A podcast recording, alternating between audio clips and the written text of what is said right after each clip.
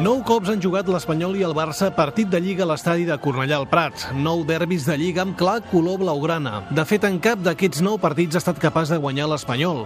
Hi ha hagut quatre empats i cinc victòries pel Barça. Per tant, terreny abonat pels blaugranes, un malefici que els pericos voldran trencar com més aviat millor, qui sap si aquest dissabte. El primer derbi va ser el 17 d'abril del 2010, derbi especial. L'últim, el 4 de febrer del 2018, també especial, però per motius diferents. Tots dos, per cert, van acabar amb empat. El primer derbi va ser diferent perquè, més enllà de ser el primer, va servir per homenatjar Dani Jarque, que havia mort només uns mesos abans. El nom de Dani Jarque anirà sempre lligat a la història de l'Espanyol i d'aquest camp, que demà, a partir de les 8, viurà el primer derbi de la seva història.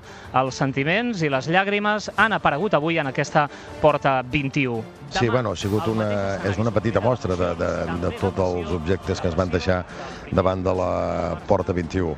I dintre d'aquests mils i mils i mils que van haver-hi de bufandes, camisetes, escrits i tot això, doncs vam decidir fer una petita mostra de 3x2, com, com dius tu, on estiguin representats tots els clubs que van assistir doncs, en, el, en el dia que va passar lo del Dani Jarque. En l'últim que s'ha disputat fins ara, el del mes de febrer passat, Piqué va encendre una polèmica que no va agradar a l'afició perica, l'origen de la qual l'hem de trobar en els crits de l'afició de l'Espanyol en contra del jugador. Hi ha hagut una part de l'afició que no són pocs, que, que, bueno, que durant les últimes vegades que he vingut aquí a Cornellà s'han dirigit no només a mi, que a mi al final doncs, m'és bastant igual, però a la meva família.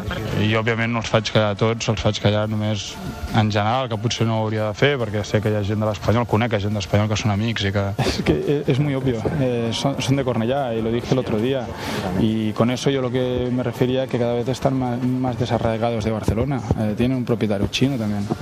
Eh, y todos sus consejeros creo que son chinos. Eh, eh, y ahora no hace falta que se gasten tampoco dinero en todos los periódicos de Cataluña diciendo que son de China, de España, de Italia y, y de Tabarni. Al final son, son de, de, de, lo que son. Y... Que un jugador no puede silenciar una afición y menos como la, la nuestra. Es imposible. Los gestos son gestos y ahí quedan, pero nosotros estamos muy por encima. Y el español está muy por encima y la afición del español está muy por encima. Y sabrá estar muy por encima los próximos días. Ara bé, si hi ha un element comú en tots els derbis és la intensitat, la consciència que tots dos equips s'hi juguen més que 3 punts i això ha fet que molts d'aquests partits s'hagin disputat amb un pèl massa d'agressivitat per part de tothom, encara que alguns ho neguin. En ningún momento, si nosotros vamos a hacer daño, somos violentos, los jugadores del Barça salen en la camilla. I, i no s'ha vist hoy. ¿Se ha visto sangre? No. L'Espanyol només ha estat capaç de marcar 3 gols al Barça a l'estadi de Cornellà. El Barça, en canvi, n'ha fet 15. De fet, només en dos dels nou partits el Barça no ha marcat. Els resultats més amplis els hem d'anar a buscar la temporada 2010-2011, una 5, i la 16-17, amb un 0 a 3. Els tres gols blanquiblaus durant aquests anys han estat obra de Gerard, Álvaro i Osvaldo, però només els de Gerard i Álvaro van servir per treure un punt.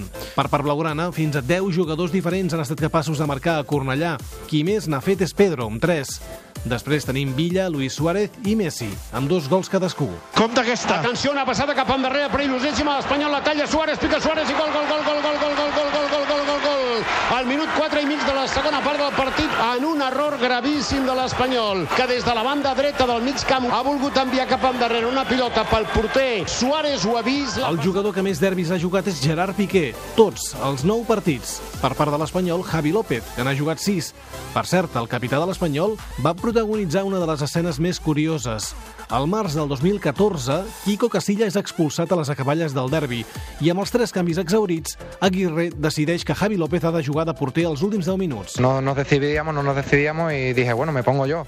Y ya pues los compañeros me dijeron que sí, tampoco nos estábamos enterando bien de las indicaciones, ha sido todo muy rápido, las indicaciones que nos decían desde el banquillo y es verdad, me comentan los, los compañeros que, bueno, que el Micha Aguirre estaba diciendo que fuera Sergio y, y Sergio quería, pero bueno, entre todos los compañeros estaban diciendo que se quedara mejor arriba y al final me ha tocado ponerme a mí. Si a Cornellà el balanç és de clar color blaugrana, a Montjuïc la tendència és semblant, tot i que l'Espanyol va ser capaç de guanyar-ne un parell de derbis. Ara bé, també se'n van jugar més, 12, a l'estadi Lluís Companys. Dues victòries per l'Espanyol, amb Tamudo com a gran artífex, sis victòries pel Barça i quatre empats. Justament en l'últim derbi a Montjuïc, el 27 de setembre del 2008, que va acabar amb victòria del Barça de Guardiola per 1-2, es va produir aquell incident del llançament de bengales per part dels bojos nois cap a l'afició perica. Aquell és l'origen del fet que avui en dia no hi hagi venda d'entrades a l'afició rival per part de cap dels dos clubs quan arriba un derbi. El d'avui no n'és una excepció.